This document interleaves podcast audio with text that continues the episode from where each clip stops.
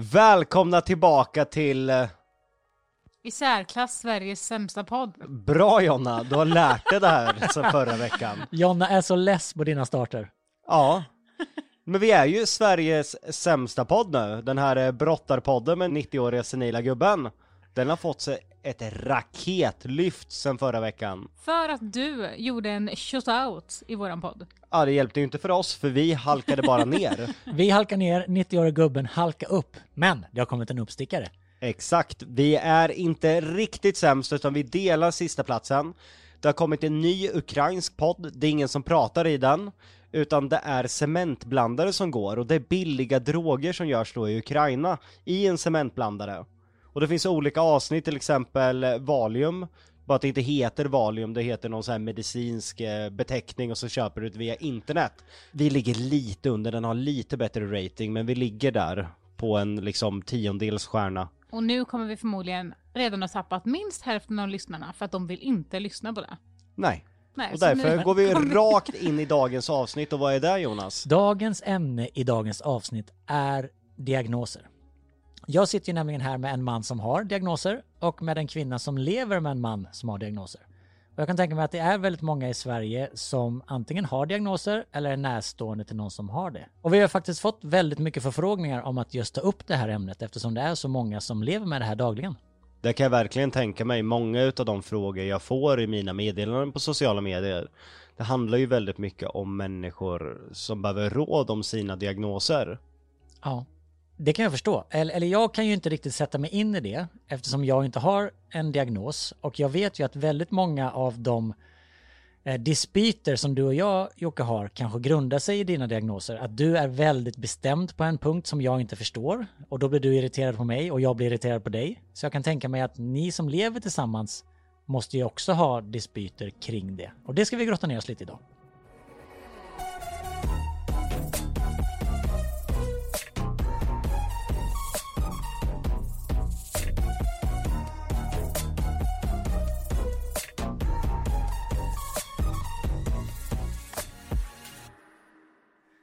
Jocke, du har ju två diagnoser som du vet. Kan du beskriva det för lyssnarna så att de förstår vad det handlar om? Jag har på papper då ADD och Asperger. Sen om jag har fler diagnoser, det vet jag ju inte, men det är de här uh, diagnoserna jag utreds för. Och det gjorde jag i ganska sen ålder. Jag var 26 år när jag gjorde utredningarna. Och hur kommer det sig att du gjorde det? Jag förstod ju att något inte, hissen gick ju inte ända upp. Nej, men jag förstod att jag var väldigt annorlunda människor. Jag är mer som en dator. Och det har ju du lärt dig vid det här laget. Ja, det har jag verkligen lärt. Alltså det har vi också pratat om tidigare i podden, att du kan fastna för saker och liksom bli men jag skulle nog kalla det lite manisk ibland. Liksom när du pluggar dina, när du får för dig att du ska bli advokat till exempel, så kan du sitta och läsa hela Sveriges lagbok på en kvart. Eller när du skulle plugga till körkort så slukar du den där boken på 20 minuter. Eh, så det har jag lärt mig att du är en, eh, du tar ju in information på ett väldigt snabbt sätt. Men varför kände du att du ville utredas för det? För det finns ju väldigt många som går runt med diagnoser som inte utreder det förmodar jag. Det blir lite jobbigt. Eh, jag, för er som lyssnade så förra veckans avsnitt var ju extremt jobbigt för mig när vi gick bakåt i tiden. Och det var just för att få en rättighet emot socialen. Jag var ju på den tiden eh, väldigt utanför systemet. Jag gick på socialbidrag de månaderna jag hade tur att få socialbidrag. Vart vräkt från väldigt många lägenheter. Och då kände jag att hade jag det här på papper så skulle jag få helt andra rättigheter. Vilket jag då ändå inte fick i Vadstena kommun utan jag fick upprättelse senare i Norrköpings kommun. När jag flyttade in hos Jonna och hennes mamma. Så det var väl egentligen därför jag gjorde det i grunden. Jag hade väl in, egentligen inget personligt intresse om jag ska vara helt ärlig. Vi kan börja med ADD. De flesta känner kanske igen ADHD. Den betydligt vanligare kombinationen som eh, är utbredd. Jag tror att det är fler som är diagnostiserade på papper som ADHD än ADD. Och H står ju för hyperaktiv. Och eh, ADD är istället hyperaktivt i hjärnan. Jag är inte så jättehyperaktiv i kroppen. utan jag är hyperaktiv i hjärnan. På samma sätt som de människorna med ADHD behöver röra på sig, är jätterastlösa, så är jag rastlös i hjärnan hela tiden. Det rör sig hela tiden.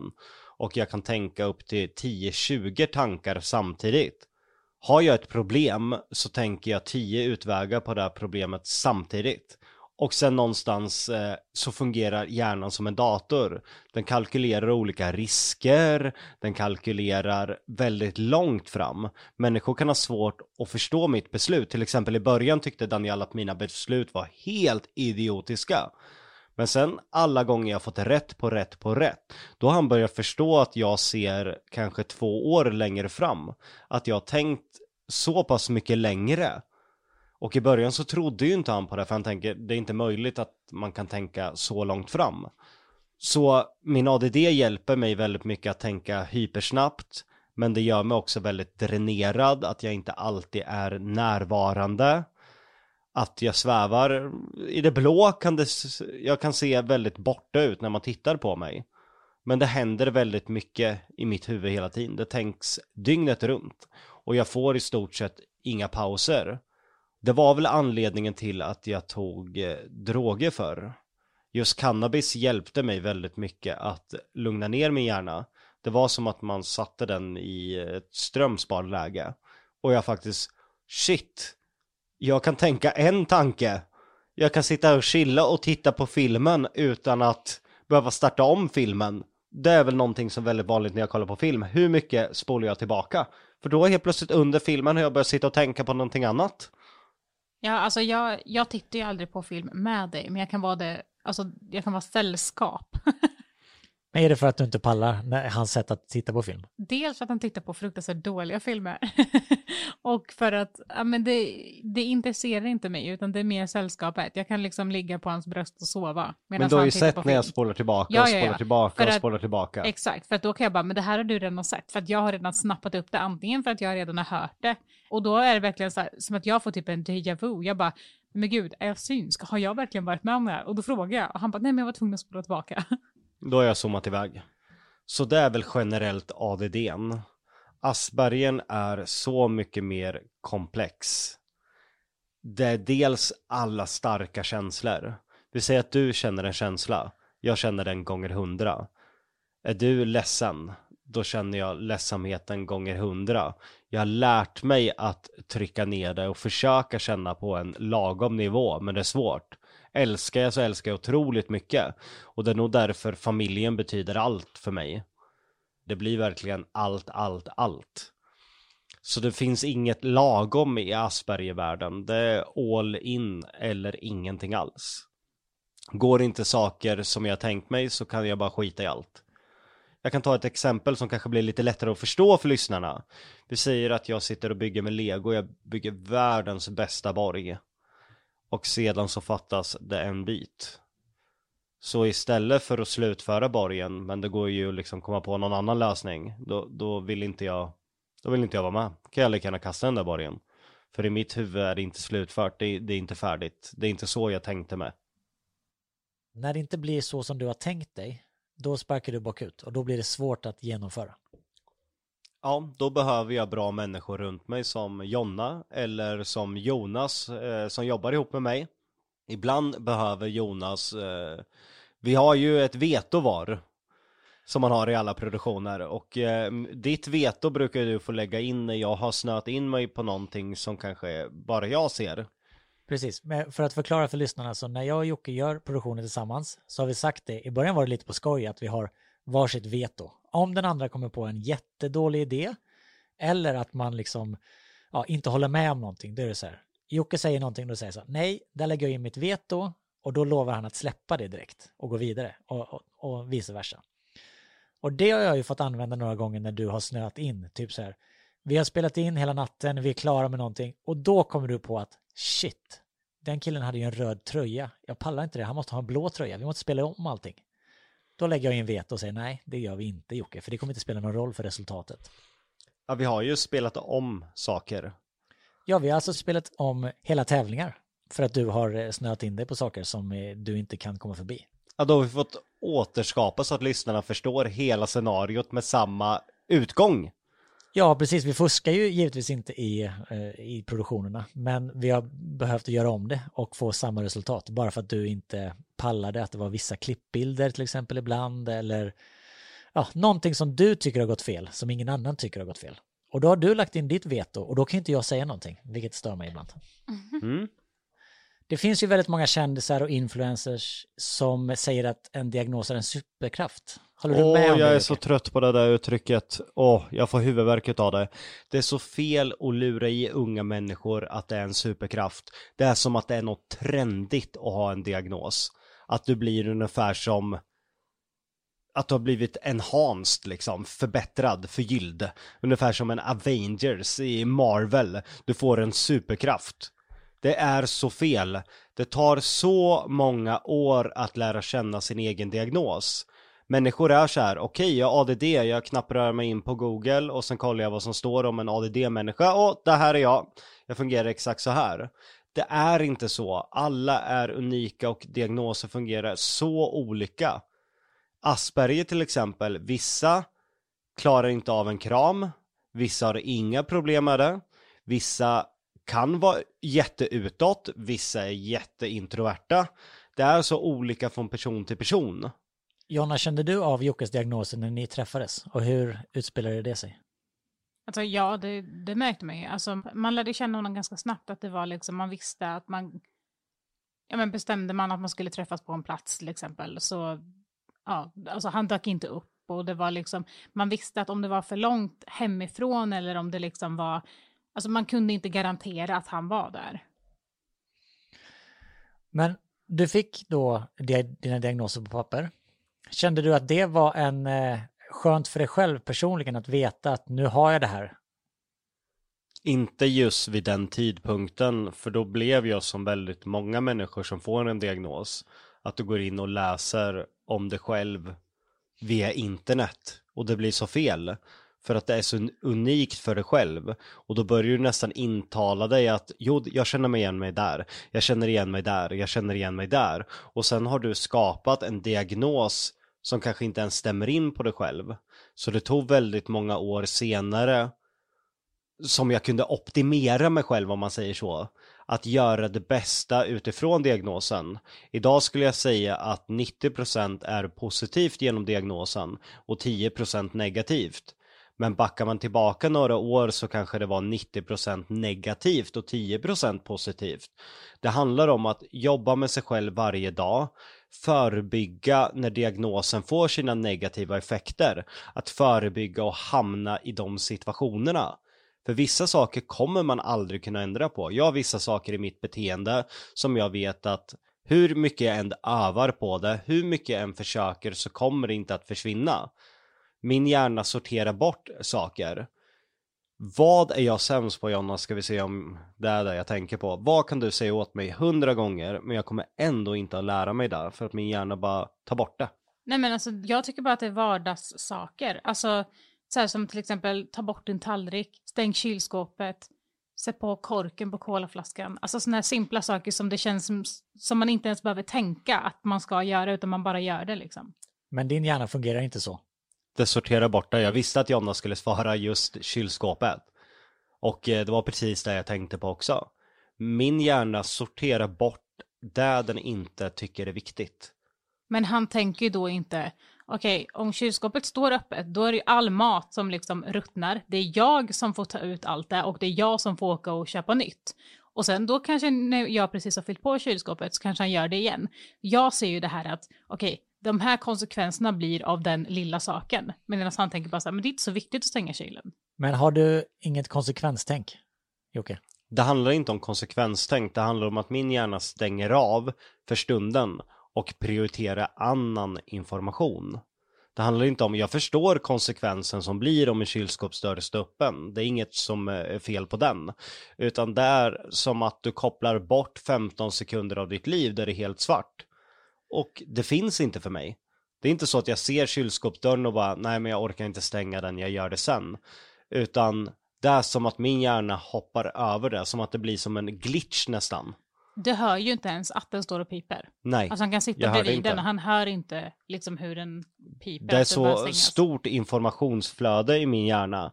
Och min hjärna automatiskt kalkylerar olika saker och prioriterar olika information. Och tro mig, jag har testat KBT-träning, alltså kognitiv beteendeterapi. Och det är ju att öva in saker, att göra det om och om och om igen. Men på det planet, det hjälper inte. Men menar du att när din hjärna då hoppar över de här 15 sekunderna som det tar att stänga kylskåpet, alltså innan och efter, alltså är det, jag förstår inte att det är just stänga kylskåpet som faller bort. Förstår du vad jag menar? Men det kan vara vad som helst, att stänga av vattnet när jag har tvättat händerna, att hänga tillbaka handduken. Små, små, små enkla saker. Men jag kan komma ihåg saker som hände för eh, 15 år sedan. Jag kan komma ihåg en, en reggplåt på en bil för tio år sedan. Jag har försökt träna in att styra mitt informationsflöde i hjärnan. Men det går inte. Jag styr inte vad som fastnar och vad som inte fastnar. Till exempel så har jag ett exemplariskt, nästan fotografiskt långtidsminne. Men mitt närminne, det sitter ordagrant i förhuden. Jag kan gå och leta efter bilnycklar och ha dem i handen. Jonna, du har väl nästan övat in att veta vart mina saker är för att du vet att jag kommer fråga dig om det. Men jag tror också att det har med att göra att jag har sånt extremt kontrollbehov. Att jag måste veta vart allt är. Men känner du att du får ta den rollen för att han inte gör det? Eller är det någonting som du är i din Nej. personlighet? Jag, jag tror att det har med min personlighet att göra, för jag har alltid varit så. Men jag tror att jag drar mer nytta av det. Alltså jag använder det på ett helt annat sätt nu. Men Jocke, om man är lite hård då, är det inte lite så att du vet att Jonna städar upp och fixar de där sakerna åt dig så att du skiter lite i det? Skyller du på din diagnos? Det vore ett enkelt svar att, om det vore så, men så är inte fallet. Och jag har lärt mig att man inte kan skylla på sin diagnos. Man har alltid ett eget ansvar att förebygga sin egen diagnos så mycket det bara går. Att inte försätta sig i situationer där man vet att diagnosen tar över. Sen kan det ju vara väldigt svårt att låta bli att öppna kylskåpsdörren för att inte sätta sig i den situationen. Men så länge Jonna känner att det inte påverkar hennes liv så pass negativt så känner väl jag att de positiva sakerna som diagnosen för med sig någonstans jämnar ut sig längre fram. Men känner du att du har blivit eh, dömd genom livet att vara lite dryg? Förstår du vad jag menar? Att inte stänga kylskåpsdörren eller, eller liksom att bara förvänta dig att Jonna fixar de där grejerna kan ju av andra uppfattas lite drygt. De som kanske inte känner och vet hur din diagnos funkar. Jag har vant mig vid det för länge sedan. Vi lever i ett land där en stor del av befolkningen enligt mig är funkofobister. För det, det är vad man är när man inte har en förståelse för en människa med en diagnos. Vi ska ha förståelse för allt i stort sett idag. Det är 2021. Vi ska ha förståelse för människor som är transsexuella, vilket med all rätt. Jag tycker man ska ha förståelse för alla, alla grupper utav människor, men vi har inte kommit så långt när det gäller diagnoser. Det är ungefär som att ta ifrån en människa eh, sin rullstol som är förlamad och bara, men gå din jävel. Skyll inte på din diagnos, upp och gå med dig. Vissa saker går inte. Och har du ingen diagnos själv så kan du inte förstå när din hjärna låser sig och det inte går. När du blir helt orörlig. Vi har ju faktiskt ett väldigt bra exempel på det. Jag tycker att vår klippare Michelle ska få spela upp hur vi egentligen startar den här podden idag. För vi blev lite störda i början och det drabbade ju dig väldigt hårt, men jag och Jonna brydde oss inte så mycket. Vi kan lyssna på hur det lät. Så vad är det vi ska prata om Jonas? Vad är det som låter där ute? Är Det är en helikopter. Men är helikoptern fortfarande? Jag tror den åkte. Nej, den är fortfarande kvar. Den är fortfarande Ska vi kvar. inte vänta tills helikoptern har åkt då? Och börja om. Ja.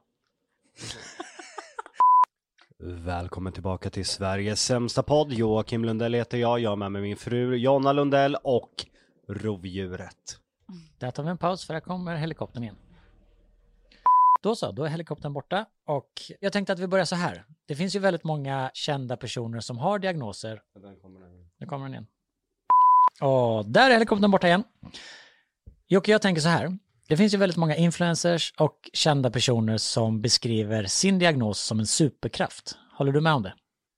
Jag... eh, Fan, jag kan inte koncentrera mig efter den där jävla helikoptern. Det där det här. Ja. När man ska fortsätta, det, det, det blir inte bra för min hjärna. Då börjar vi om. Ja, och ingen jävla helikopter nu. Åh herregud alltså. Åh herre jävla gud. Nej jag skiter i det här för idag alltså. Jag orkar inte. Jag har tappat hela min lust, min motivation. Och då låser det sig, då kan jag inte prata. Och då får jag inte ur mig det jag vill säga. Och då kommer jag bli jättemissnöjd när jag hör Du har, avsnittet tänkt, du har sen. tänkt i huvudet på vad du ska säga och vad, Nej, hur inte du ska lägga precis upp vad jag det. tänkte jag ska säga med modet för att få ut känslorna. Låser sig där och det är, Det är någonting annat som blockar. som har nu. Ja men då är det någonting annat som blockar. För att få ur sig, för att människor ska förstå så måste man måla sina känslor och jag får inte ur mig dem för det blockeras. Då är det liksom, det kryper i mig, det blockerar allting och då får jag inte ur mig det. Och då får vi inte ett avsnitt om diagnoser. Åh herre min gud. Vad tänker du när du hör det, Jocke? Hur, Ja. Är du fortfarande arg? Nej, men jag känner känslan i kroppen, hur det kändes. Det känns som att hela kroppen bara går sönder. Det är så mycket känslor. Jag blir nästan så arg att det kommer tårar. Men vad är det som gör att du inte bara kan göra som jag och Jonna, att vänta tio minuter? För att det ingick inte i min planering. Är det skitjobbigt? Är det här ADD eller är det här Asperger? Asperger 100%. Och det är just det som har styrt mig hela livet. Att inte kunna hantera mina känslor. Och det är väl egentligen som jag beskrev innan att 90% var negativt utav min diagnos. Och då var för att känslorna styrde över mig. Idag kan jag till 90% styra över känslorna. Men det är inte alltid jag kan det när det händer saker som jag inte har förberett mig på. Som den här helikoptern. Jag hade ingen aning om att den skulle komma tillbaka om och om och om igen. För det är väl du som lever med mig Jonna. Det är väl när jag inte är förberedd på förändringen och saker som inträffar, det blir väldigt jobbigt för mig. Jag tror att, eh, speciellt när vi visste att vi skulle spela in det här avsnittet som handlar om diagnoser som är väldigt, det är någonting som du brinner för och som du tycker har varit väldigt svårt och liksom du vill prata om det. Och då tror jag att det, är, det kom ett störningsmoment också, att det var just tufft just för att det var det här ämnet vi skulle prata om. Hade det varit att vi skulle prata om hundar, då hade du kunnat liksom kanske släppa det på ett helt annat sätt. Men att det här var verkligen någonting du ville gå in med med känslan. Du visste typ hur du ville liksom lägga upp det, vad du skulle säga och då blir det liksom någonting som förstör det och då kan du inte komma tillbaka till det momentet. Precis, för jag och Jonna tänkte ju inte att vi skulle podda idag. Det var ju du Jocke som kom fram till mig och bara, vi måste podda, vi måste podda nu. Eh, så det kändes som att du var väldigt ivrig och verkligen hade tänkt ut vad du skulle säga. Och när helikoptern pajade så blev du helt off. Är det så på andra eh, sätt i livet också? Ja, ja, verkligen. Men just det här ämnet brinner jag väldigt mycket för. För att jag delar ihop med en väldigt stor del av min fanbase en diagnos. Och det är så många genom åren som har velat, förutom den boken jag gjorde, att gå djupare i diagnoser. Och nu finns det ju faktiskt en plattform genom våran podd där vi kan göra det. Så där man kan gå betydligt djupare än vad man kanske kan göra i en eh, YouTube-video eller i en eh, Insta-story. Och då ville jag verkligen få fram det jag vill säga till de här människorna som har diagnoser. Att inte lyssna på att det bara ordnar sig, att det är en superkraft, utan att det är en kamp. Och det kommer alltid vara en kamp. Men det gäller bara att försöka förstå sig själv och inte vara rädd för att förstå sig själv. Men till exempel det här med helikoptern. Då känner jag bara den känslan, den tar över mig och då blockerar det alla andra känslor. Och då är det svårt för mig att eh, färga med ord hur det känns att ha en diagnos. För det jag känner är ju irritationen för den här jävla plåtkastrullen som flög omkring i luften. Men vad säger du Jonna? Du som lever med Jocke, hur skulle du säga att hans diagnos påverkar ert dagliga liv? Alltså det är ju någonting som, som var väldigt, väldigt svårt och som vi krockade med i början. Men nu tror jag att det har kommit mer liksom, vi har fått mer struktur på det. Det är våran vardag, det är bara så, alltså man måste liksom kunna lära sig att hantera det och lära sig vissa situationer. Jag tror att jag och Daniela är de som känner Jocke allra bäst och vi vet ju till exempel när vi ska säga saker till Jocke, när vi inte bör göra det utan vi ska vänta lite för att det kanske är någonting som redan ja, men, håll, som en annan känsla som han har. Liksom. Vi vet eh, vad det är han behöver för att kunna fungera. Vi vet liksom hur han, va, vad det är för space han behöver, när han behöver det. Alltså vi frågar inte honom onödiga frågor, utan vi bara gör det. Vi vet att han vill ha det här, så varför ska vi ens fråga om han vill ha det? Vi bara fixar det liksom. Så att jag tror att det, det är någonting vi har kommit väldigt långt i, men det är också någonting som är ganska jobbigt. Känner du att du och Daniel får passa upp lite på Jocke för att hans diagnoser inte ska paja? Ja, alltså det är mycket att vi måste rätta oss efter honom. Men samtidigt så har vi inget problem med det. Utan det är, vissa gånger är det skitjobbigt, liksom när vi har planerat att vi ska åka någonstans, vi har packat våra väskor och sen bara säger han att nej, men vi ska inte åka. Förut var det jätte, jättejobbigt, då var det bara så här, men vad i helvete, kunde du inte sagt det tidigare, bla bla bla. Men nu har vi liksom fattat att det kan hända och det är inte hela världen.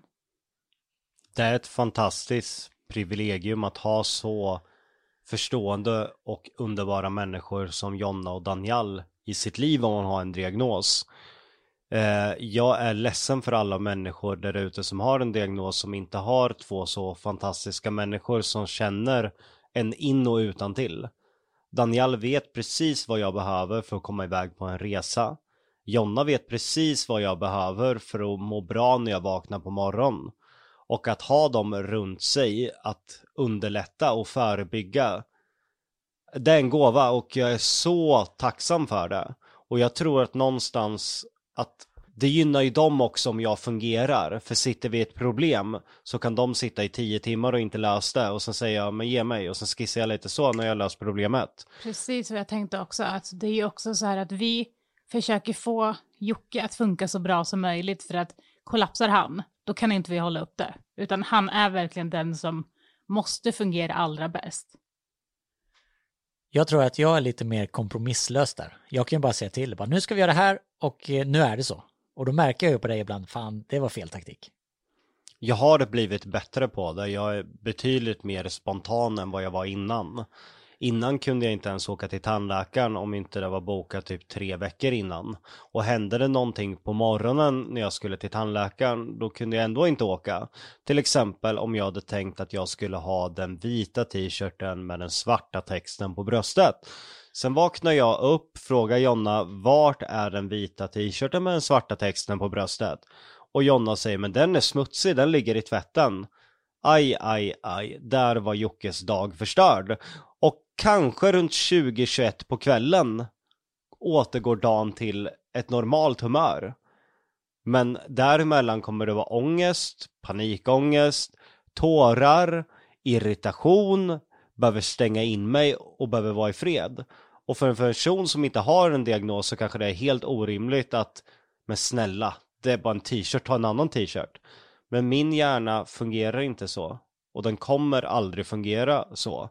Jag önskar att jag bara kunde skita i den där t-shirten, men jag kan inte det. Tyvärr.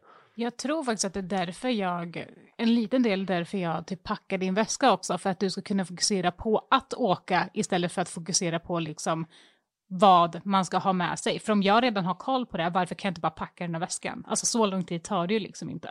Precis, det känns lite som att du och Daniel är ju markservicen som krattar manegen framför Jocke hela tiden. Så att han kommer iväg. Ja. Känner du att det är orättvist ibland eller känner du bara sådär, det, det funkar, så då funkar det väl? Ja, alltså jag har inga problem med det. Alltså det, ju, det skapar ju mer oro och alltså så här, i min kropp, liksom att jag får ont i magen och att jag ja, men blir deprimerad och sånt om han inte funkar.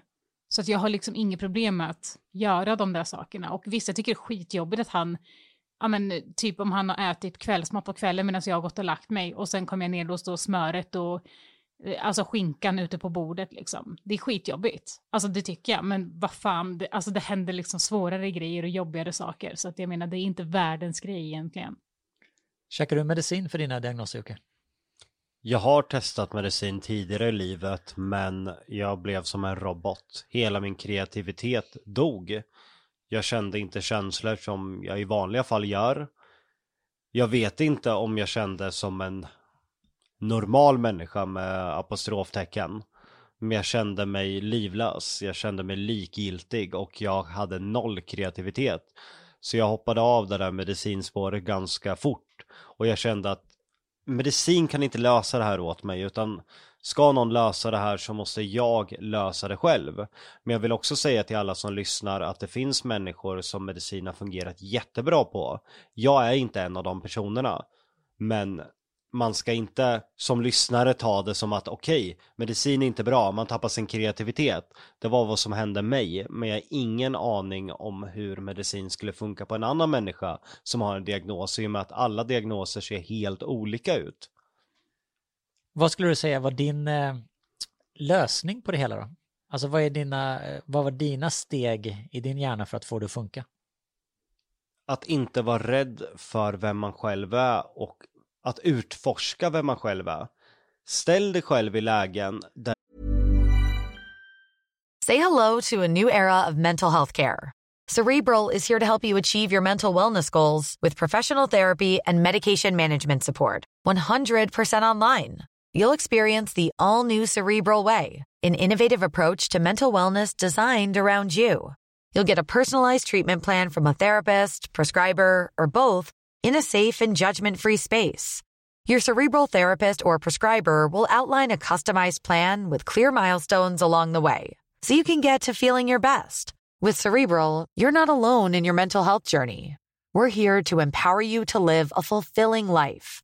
So take that first step towards a brighter future and sign up today at cerebral.com slash podcast and use code ACasts to get 15% off your first month. Offer only valid on monthly plans. Other exclusions may apply. Offer ends July 31st, 2024. See site for details. Hey, I'm Ryan Reynolds. Recently, I asked Mint Mobile's legal team if big wireless companies are allowed to raise prices due to inflation. They said yes. And then when I asked if raising prices technically violates those onerous two year contracts, they said, What the f are you talking about, you insane Hollywood ass? So to recap, we're cutting the price of Mint Unlimited from $30 a month to just $15 a month. Give it a try at mintmobile.com slash switch. $45 up front for three months plus taxes and fees. Promoting for new customers for limited time. Unlimited more than 40 gigabytes per month. Slows. Full terms at mintmobile.com. Du lär dig vad du gör i det läget. Ställ dig själv inför ett val och låt kroppen styra. Vad kommer du göra för val här? Testa hundra olika, då kommer du ha lärt dig så mycket om dig själv och vem du är och hur du agerar i de här situationerna. Testa igen samma val, men med en annan förutsättning.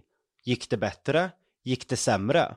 Det går inte bara hoppas på att någon ska komma och hjälpa dig med din diagnos. Det går inte bara hoppas på att någon ska uppfinna en medicin som gör livet liksom på en, som en dans på rosor. Utan det handlar om att varje dag förebygga, lära känna dig själv, utmana dig själv och försöka vara den bästa versionen utav din diagnos. För det är jobbigt och det kommer alltid vara jobbigt. Just min ADD, den gör ju att jag är totalt dränerad hela tiden. Det är en cirkus dygnet runt i mitt huvud. När jag drömmer så jobbar jag. Jag eh, ofta vaknar på natten och då har jag kommit på en idé.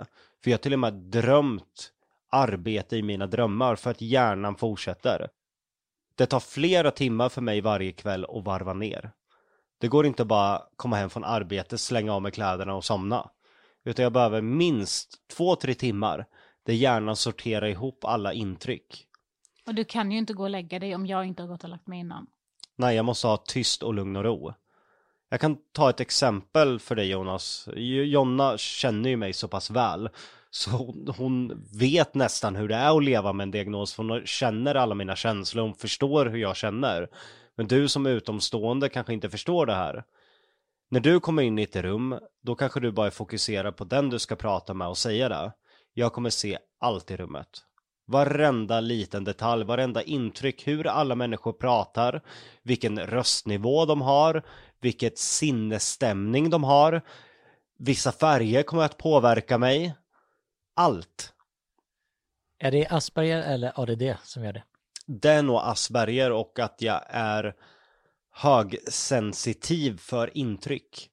Går jag på en gågata då kommer jag läsa av alla människor jag möter hur de ser ut i ansiktet, vad som finns i butiksfönstren och allting. Medan du kanske går och tänker på vad du ska äta med familjen på kvällen och kan koppla bort allt det där. För mig händer allt samtidigt, vad jag ska äta, jag ser alla de här människorna, jag ser skyltfönstren, jag hör alla ljud. Det känns som att när jag såg Spiderman-filmen första gången och han blev biten av den här spindeln och inte kunde kontrollera sina superkrafter utan hörde ljud överallt och ljuset var så starkt. Man bara, fan det där är ju min Asperger. Det, där, det här är min ADD och min Asperger. Jag, jag kände mig exakt som Peter Parker efter bettet innan han hade fått kontroll hur de framställer det i filmen. Så känns det för mig. Och det där är ju också varför Jocke är okontaktbar ibland. Varför man bara står och pratar med honom men det är som att prata med en vägg. Därför att det händer så mycket annat i hans hjärna så att hans öron har bara stängt av liksom. Du måste processera allt som händer hela tiden, vilket betyder att då måste du stänga av ibland mig och Jonna när vi pratar med dig helt enkelt. Och ibland så kan jag inte styra det. När kroppen är för dränerad och gärna för mycket information så går jag i flygplansläge. Det händer på riktigt. Då, jag vet inte om när det händer. Det som, jag kan beskriva det lättast för de som lyssnar som inte har en diagnos eller har varit med om det här. Tänk att du får en narkos. Du vet inte när du somnar, du bara försvinner. Det är samma för mig. Jag kan sitta där och sen kommer det en tanke som prioriteras i min hjärna och då ser inte jag längre rummet utan då är jag, då är jag någon annanstans och sedan så stänger det bara ner. Och då sitter jag där på strömsparläge liksom. Ja, men jag har ju sett dig stänga ner ganska många gånger och då vet man ju det bara. Okej, okay, jag hade en sak att säga till Jocke, jag kan lika gärna ta det sen. Men du har ju också varit med om när jag kommer tillbaka. Ja, ja. Och då har jag massa information. ja. Och då ska allting hända på en sekund. För man tror ju att jag bara har varit eh, hjärndöd under den där perioden. ja, det är Men många gånger jag trott att du är hjärndöd. Men det konstiga är ju när jag rycker till och kommer tillbaka, då är det som att jag varit i en annan dimension och hämtat information. Det då... hände ju faktiskt till och med här, när vi satt här, för att eh, ja, innan vi skulle börja podda så eh, ville ju du ha en Nocco. Och då har de gjort om din Nocco. Förpackningen, eller vad säger man, burken har de ju gjort om. Så du ville ha den nya Noccon. Och sen började vi då prata om, ja ah, men de har ju ändrat Coca-Colan också. Men då hängde inte du med på det spåret, så jag och Jonas sitter och pratar om liksom Coca-Colan, så frågar han Jonas då dig, Ja, ah, men eh, vad tycker du om det nya? Och då började du prata om Noccon igen. Vi bara, fast nu har ju vi redan lämnat den. Nu pratar vi faktiskt om Coca-Colan. Då hade du zonat ut. Och sen kom du tillbaka. Men jag vet vart jag var. Ja, du vet vart du var, men du vet ju inte vad som hände under tiden där du var där. Nej, men jag vet vart jag var under den ja, perioden. precis. Men du pausar din tank, eller du fortsätter med dina tankar. Yes. Medan jag och Jonna har gått vidare. Och sen när du har avpausat och kommit tillbaka, då har ju inte du hört vad vi har pratat om. Nej, ingen Nej, aning. Så du visste ju inte ens att vi hade pratat om kolan. Nej, jag trodde att vi var på Noccon. Jag var inne i en helt annan tanke. Jag började tänka att kommer burken först som en viss form när det är Nocco och sen blir den här nya? Och sen började jag tänka, nej, vissa har ju inte gjort den förvandlingen. Hur såg Sunny Soda ut när den kom? Hade den en annan burk och sen fick den här samma looken, alltså en blå burk och sen är det två stripes där man ser egentligen den gamla burken. Jag tänkte så mycket på den där korta tiden. Ja, du var ju en helt annan värld. För det roliga var ju också, för både jag och Jonna vet ju att du hade ångest över när Cola Zero skulle byta sina ingredienser. Och då, det var det vi pratade om. Och, och, du inflikade någon gång att du inte tyckte det var jobbigt. Och jag och Jonna bara, men vad pratar han om? Du tyckte ju att det var jättejobbigt. Jag vill inte prata om det. men är det eh, din motvilja till förändring, är det direkt kopplat till din diagnos? Till Asperger skulle jag tro. Det är väldigt eh, välkänt att väldigt många, jag säger inte alla, men väldigt många med en Asperger-diagnos har svårt för förändring. Men sen vänder det. Vi säger att man sätter mig i vildmarken ihop med tio andra. Jag hade tyckt det var jobbigast utav alla. Men kommer man tillbaka efter en vecka, då är jag förmodligen den som tycker det är jobbigast att lämna vildmarken. Jag är som en kameleont, jag anpassar mig. Men just det här första steget till att anpassa sig, det är skitjobbigt. Så det var därför jag tror att jag överlevde i den här trappuppgången pank. För att jag anpassade mig till det, det var min verklighet. Och då accepterar jag det. Okej, okay, fine min dag ser ut så här, jag vaknar i en trappuppgång. Jag får försöka få tag i mat, jag får försöka få tag i pengar. Det var bara så. Och då accepterar jag det. Jag tycker ju att folk med diagnoser har så mycket mer personlighet. Jag, alltså det kryllar ju av folk runt omkring mig. Min mamma har ju diagnoser, du har diagnoser, min bästa vän har diagnoser och det är verkligen så här, diagnoserna gör verkligen er till de personerna ni är. Så jag vet, det finns till exempel en, en tidningsartikel som, den är helt fel, men det, det står att jag, det, jag tror jag var gravid med Luna Bell, och då står det typ att jag önskar att mitt barn får en diagnos. Och det är inte så jag menar, för att jag vet ju också hur tufft det kan vara, utan det jag menar är att... Du tycker det är charmigt? Ja, jag tycker att det, in, inte liksom svårigheterna och så, utan att man får så himla mycket mer personlighet, det blir så mycket mer människa om man kan använda det rätt. Och sen att det är lite så här, ja men det, man vet ju att Jocke som är typiskt, alltså så här, ja men han kommer göra så här i den här situationen och ja, nu kan vi skoja med Jocke det här för att vi vet att han kommer reagera så här. Och det är ju diagnoserna. Så att det är ju, på så sätt gör det ju verkligen en person till så mycket mer till, än en person. Det blir inte en vanlig så här tråkig, normal eller vad man nu ska kalla det, utan det blir så mycket mer. Jag håller med Jonna helt och hållet där. Jag tycker också det är väldigt charmigt med människor som har diagnoser för att de blir väldigt, det blir väldigt mycket person och väldigt mycket känslor. Och lyckas man komma en sån person nära så är det så värt den kampen att försöka komma personen nära för när du väl bryter igenom du får så mycket tillbaka utav en sån person.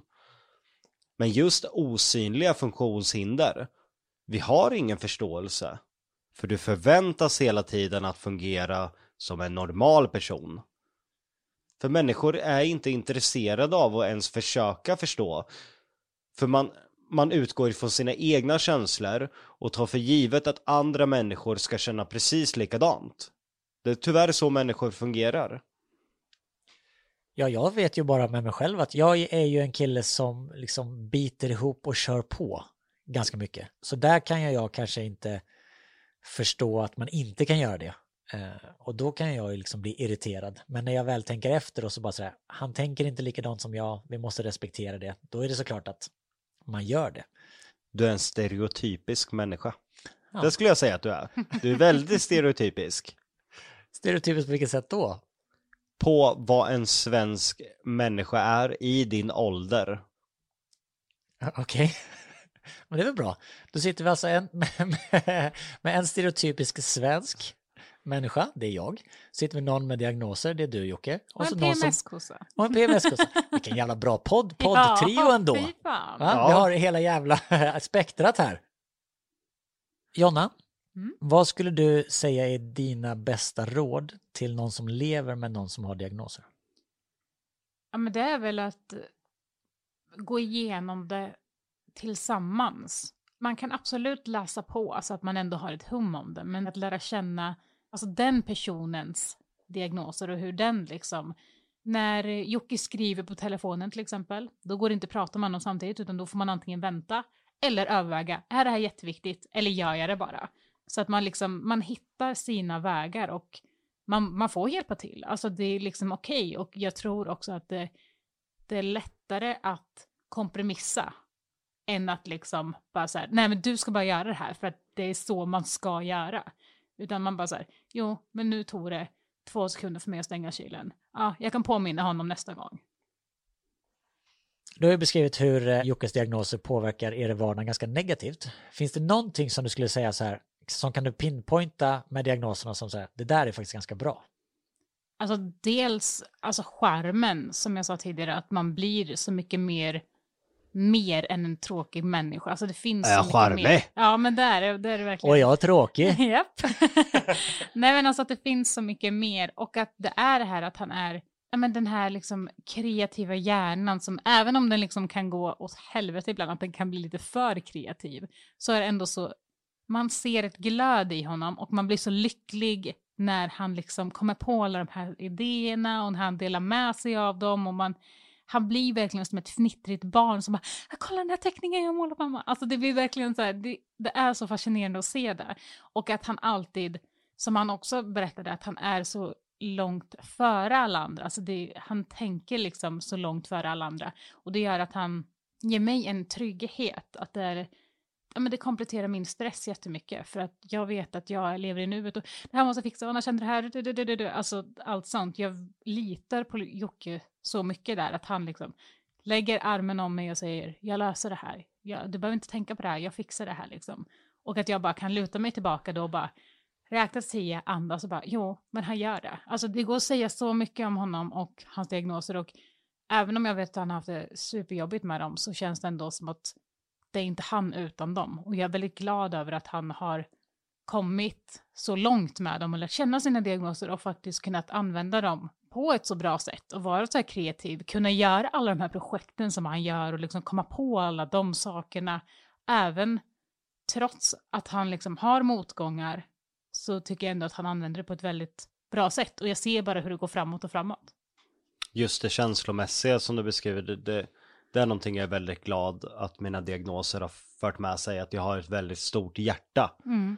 Att jag bryr mig och känner saker. Jag, jag har hellre det, jag har hellre problem med att känna för mycket, än att inte känna någonting alls.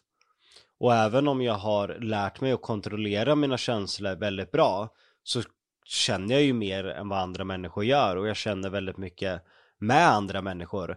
Just Asperger är ju verkligen utmålad att du inte kan förstå andra människor och att du inte förstår det sociala samspelet när någon skämtar eh, eller när någon skämtar på din bekostnad att du inte kan förstå andras känslor eller visa empati. Där känner inte jag igen mig för fem öre. Utan jag känner istället att jag känner mer empati än, än, andra människor. Jag känner i stort sett andra människors sorg.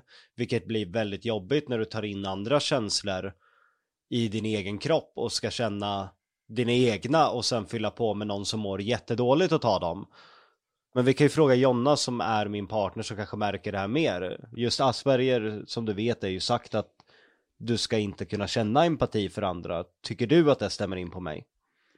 du känner väldigt mycket, men du kan också ha väldigt svårt att om du känner en känsla så har du svårt att fatta att jag kanske känner någonting helt annat.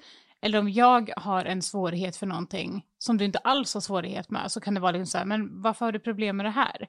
Alltså ibland kan det liksom krocka på så sätt att det blir så här, äh, du kan inte förstå att andra människor kan känna annorlunda. De där orden Jonna sa nu tar jag verkligen till mig, för det är just någonting som jag börjat jobba med väldigt mycket de senaste månaderna. Till exempel, du och jag bråkar. Jag känner ju saker då.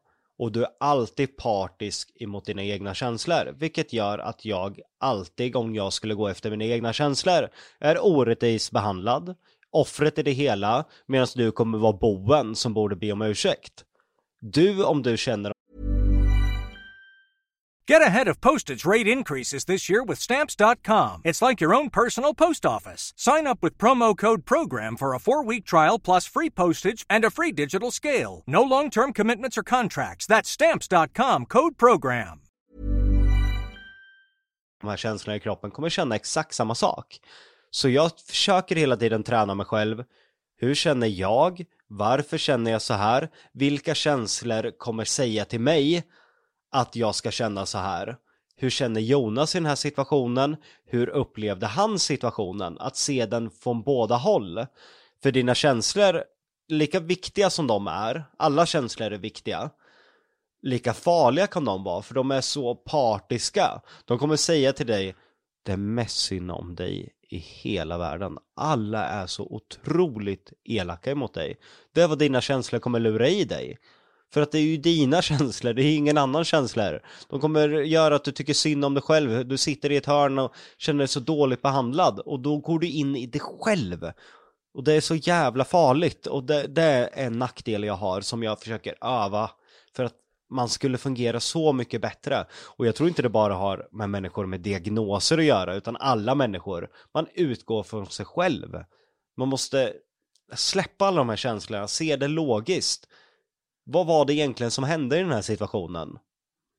Så eh, verkligen sanna ord som du sa Jonna. Och jag, jag har problem med det och jag försöker jobba med det. Mm. Bra. Jocke, vad skulle du säga till de som lyssnar nu som känner sig bedrövade och ledsna och rådvill när det gäller att de kanske tror att de har en diagnos eller att de precis har fått en diagnos liksom satt? Tyvärr så är det ju ganska hårda ord och det är att du inte kan förvänta dig att människor ska förstå varför du fungerar som du gör. Jag har lärt mig ett väldigt bra tips är att berätta. Jag berättar för Jonna, jag berättar för Daniel, jag mår inte alls bra. Det bubblar inom mig och eh, får inte jag ur med det här, får inte jag hjälp med det här, då kan det explodera. Och då har jag Jonna och Daniel som nästan tar emot mig. Jag är väldigt ärlig, jag är på dåligt humör. Istället för att till exempel att Jonna märker på mig, det är någonting. Och jag säger, det här är ju den klassiska i ett förhållande. Älskling, är det någonting? Nej. Jo men det är ju visst någonting. Nej. Ja men du är jättesur. Ja jag var inte där tills du frågade det. Fast personen egentligen var jättesur redan innan, det är en sån här klassiker. För att undvika det så berättar jag för Jonna, bara älskling, jag är på skitdåligt humör. Och då hjälper hon mig. Det gör de varje gång. Och jag tycker det är så jävla fint. Men det är också där som det är så himla svårt för mig. Jag pratade faktiskt om det på lunchen idag med Jonas, för att du ville ju inte äta lunch och jag märkte på det att det var någonting. Och då blev jag så här, okej, okay, har jag gjort någonting eller har jag inte gjort någonting? Och sen är jag, jag utgår ju från då att okej, okay, jag ska inte fråga dig om du vill någonting eller om jag ska göra någonting, utan här måste jag ta ett beslut själv. Och då tänker jag, okej, okay, det finns två alternativ. Antingen att vara med dig och sitta jämte dig, klappa dig på ryggen, finnas där liksom. Eller att ge dig space. Och då utgår ju jag från vad jag hade velat ha. Och jag utgår ju alltid från då att jag först vill ha space. Så då blir det så här, okej, okay, men vill han ha space nu eller säger han att han vill ha det fast inte vill ha det? Och det snurrar så mycket så jag sa verkligen till Jonas idag på lunchen bara så här, jag, jag vet inte vad jag ska göra nu för jag vet att Jocke mår dåligt och jag vet inte om jag ska ja, men sitta där jämte honom och klappa honom på ryggen eller om han bara så här, nej men jag vill verkligen, verkligen vara själv. För ibland när du säger att du vill vara själv så menar du helt tvärtom. Och då kan du komma till mig efteråt bara så här, ja jag sa att jag ville vara själv, men vad fan trodde du? Det är klart att jag ville ha dig vid min sida. Och det tycker jag kan vara någonting som faktiskt är väldigt jobbigt för att jag, det enda jag vill är ju att göra det rätta valet och det du känner och så. Jag vill ju inte vara jobbig och sitta där om du verkligen känner att nej men jag vill ju verkligen vara själv. Jag förstår precis vad du menar och just där du beskriver ju någonting som inträffade så ofta. Också om man backar ett par år tillbaka i tiden. Men jag förstår det idag. Eh, för er som lyssnar och inte förstår så vårt förra avsnitt handlade om vi gick bakåt i tiden. Och det var väldigt jobbigt för mig. Jag kunde inte sova på natten. Jag hade jättemycket tankar. Och eh, i morse så stängde jag in mig i mig själv. Jag skapade en liten bubbla runt mig. Och det går egentligen emot vad jag tycker vad man ska göra. Jag var inte uppe med hur jag mådde. Och det skapade ett missförstånd mellan mig och Jonna där för att jag borde ha sagt till Jonna jag mår jättedåligt, jag behöver space eller Jonna jag mår jättedåligt, jag behöver en kram. Så tillbaka till mitt tips. Var öppen med din diagnos. Var öppen vad du känner, hur du mår. Låt omgivningen veta det. För de som bryr sig om dig de vill veta hur du mår. Det är så lätt när du har en diagnos att du inte vill dela med dig för att du tänker att det är ingen som förstår mig. Det är ingen idé jag säger. De människorna som bryr sig run runt dig kommer med tiden när du öppnar dig själv förstå hur du fungerar. Det är världens bästa tips. Och det andra tipset är att, som jag tidigare varit inne på, att lära känna dig själv och din diagnos. Hur ser din unika diagnos ut? När fungerar den jätte, jätte, jätte dåligt? Är det så att du glömmer saker hela tiden? Har du någon runt dig som kan hjälpa dig med det här? Kan du skriva en lapp och sätta på ytterdörren? De här sakerna behöver jag med mig idag. Kan du göra dem dagen innan? Det finns så mycket tips som du kan göra för att underlätta och att du inte hamnar i de här sakerna eller de här positionerna där du står utan saker som du egentligen behövde ha med dig.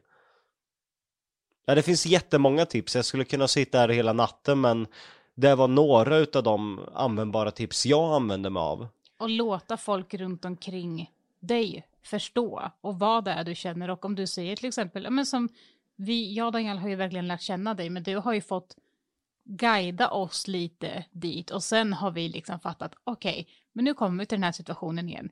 Hur funkar det då? Vad var det som funkade bäst? Och hur ska vi, men hur ska vi absolut inte göra? Och det är ju liksom där man får rätta sig efter då. Äh, Jonna är verkligen fantastisk. Äh, jag vet inte vad jag skulle göra utan en människa som Jonna i, i mitt liv. Vad den är så har hon redan i stort sett alltid tänkt tanken före. Och hon är väldigt mycket att, som vi var inne på när vi beskrev oss själva i första avsnittet och beskrev varandra, att hon sätter andra före sig själv. Om hon vet att jag inte haft tid med Luna Bell, då kan hon till exempel komma med Luna Bell som kommer in till mig och ger mig en kram. Hon kan bjuda in till att eh, jag går och lägger henne nu. Vill du sova med henne tills hon somnar? Hon glömmer aldrig bort de där sakerna. Och det, det är någonting som jag blir påmind om nu när vi sitter här och poddar att jag tagit kanske för givet under en väldigt lång tid. Jag har levt ett väldigt bra liv där jag mått väldigt bra. Men nu kanske jag förstår varför jag mått så bra är att jag har en partner som hela tiden dels respekterar mig, dels alltid vill mitt bästa och dels alltid gör så, så att jag mår så pass bra som jag faktiskt har gjort. Och det är väldigt tacksamt att ha det, det vill jag bara säga till dig Jonna. Tack. Det är, jag tror faktiskt att det är den finaste orden jag hört. Jag blir typ helt tårögd. Jag tror ju att just det här mediet, alltså den här podden, vanligtvis så sitter ju vi tre inte och pratar så här djupt. Nej. Såklart, det, det, det förefaller sig ju inte naturligt. Och jag tror att ni kanske inte gör det heller dagligdags. För jag vet ju att ert liv går i 100 km i timmen hela tiden. Mm. Men när vi har de här timmarna, när vi faktiskt sitter och grottar ner oss, så tror jag att man dels, dels lär sig mycket om sig själv, men också, precis som du Jocke, inser att shit, jag har ju för fan det här, vad sjukt. Så de här sessionerna blir lite som terapi också.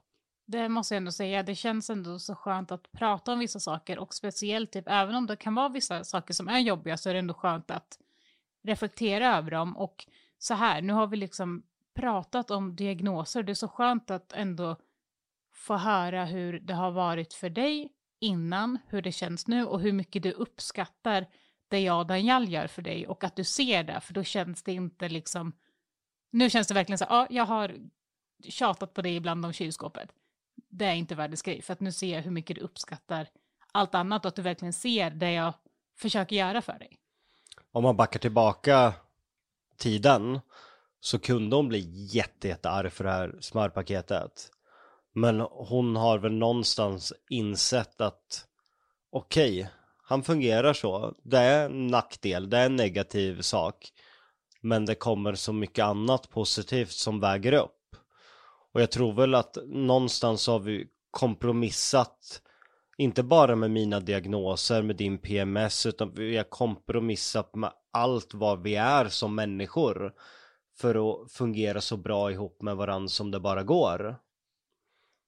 Och jag, jag tycker att det är ett väldigt starkt band vi har framförallt till varandra. Ja, hundra procent, jag håller med. Fint ju. Tänk att ändå förra veckans avsnitt som slutar i någon slags misär och gråhet och total svärta nu i det här avsnittet avslutades med väldigt fina ord. Det känns verkligen i kroppen för att man mådde jättedåligt över förra avsnittet och man hade ångest och en klump i magen och mådde lite illa. Nu har jag liksom bubbel i kroppen. Jag känner jag känner mig samma lite så här sak. nykär, kärlek, jag liksom uppskattar livet på ett helt annat sätt. Nu fick man känna var man är idag och vart man har tagit sig. Och det betyder otroligt mycket att få känna den känslan efter att ha levt i dåtiden. Och jag kände mig så dålig efter förra avsnittet. Alla de här gamla känslorna bara kom upp. Men nu känner jag mig inte dålig längre för att jag vet vad jag gör för, som partner för Jonna. Hur jag alltid finns där varje gång hon faller. Hur hon alltid finns där varje gång jag faller. Villkorlös kärlek. Mm.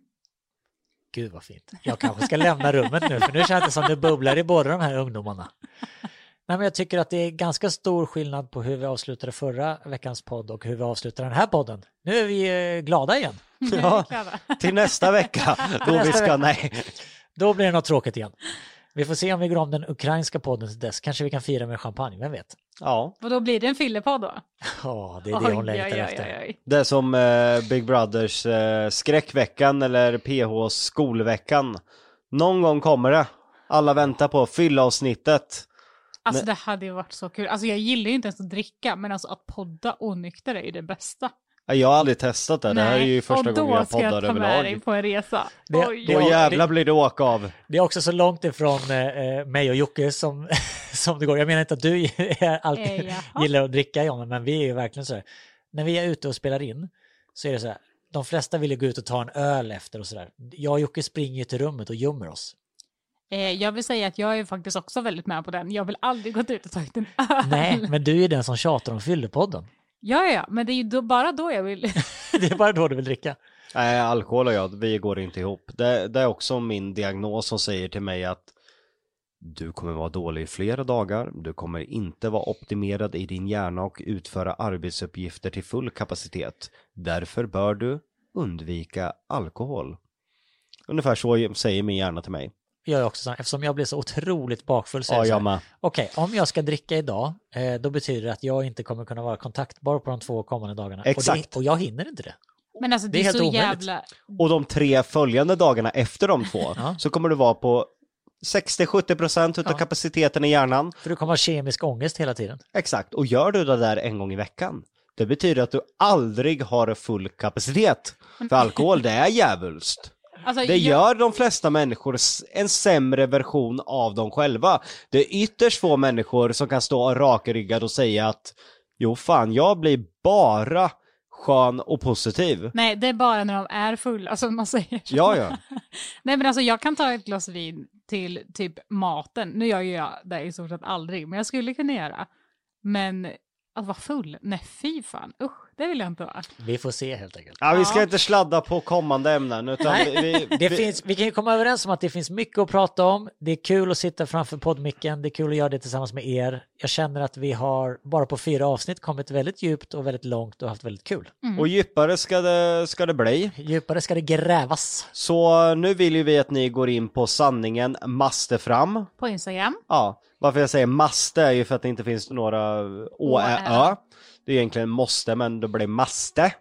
Och det är icke-nörst, men i alla fall, jag vill att ni tipsar om ämnen. Ämnen ni vill att vi ska prata om. Jag förstår att ni har jättemycket frågor och där kanske vi bakar ihop i ett och samma avsnitt. Liksom de här frågorna har vi alltid velat ha svar på från Jocke och Jonna. Men just nu så vill vi ha ämnen. Det kan vara ämnen som har med oss att göra. Men ämnen överlag som vi kan gräva djupare i. Som ni tycker att vi kanske borde ta upp också. Ja, Och Och, var, se vad vi har för relation till dem. och det var egentligen det vi gjorde idag. För det är väldigt många som har skrivit om just diagnoser. Att de har diagnoser, att de vill veta era syn på det. Eh, och det tycker jag att vi har gjort idag. Och vi måste också säga att eh, när ni ändå slidar in på vår Instagram, sanningen måste fram, så kan ni även eh, passa på att följa oss. Och följa våra poddar där poddar finns. Prenumerera alltså. Var, har vi fler poddar? Nej men, Följa podden. där alla poddar finns. Det blir snurrigt. Vi är så bubbliga och glada. Tusen tack för att ni lyssnade. Vi ses och hörs nästa vecka. det gör vi. Ha det bäst alla och ta hand om er.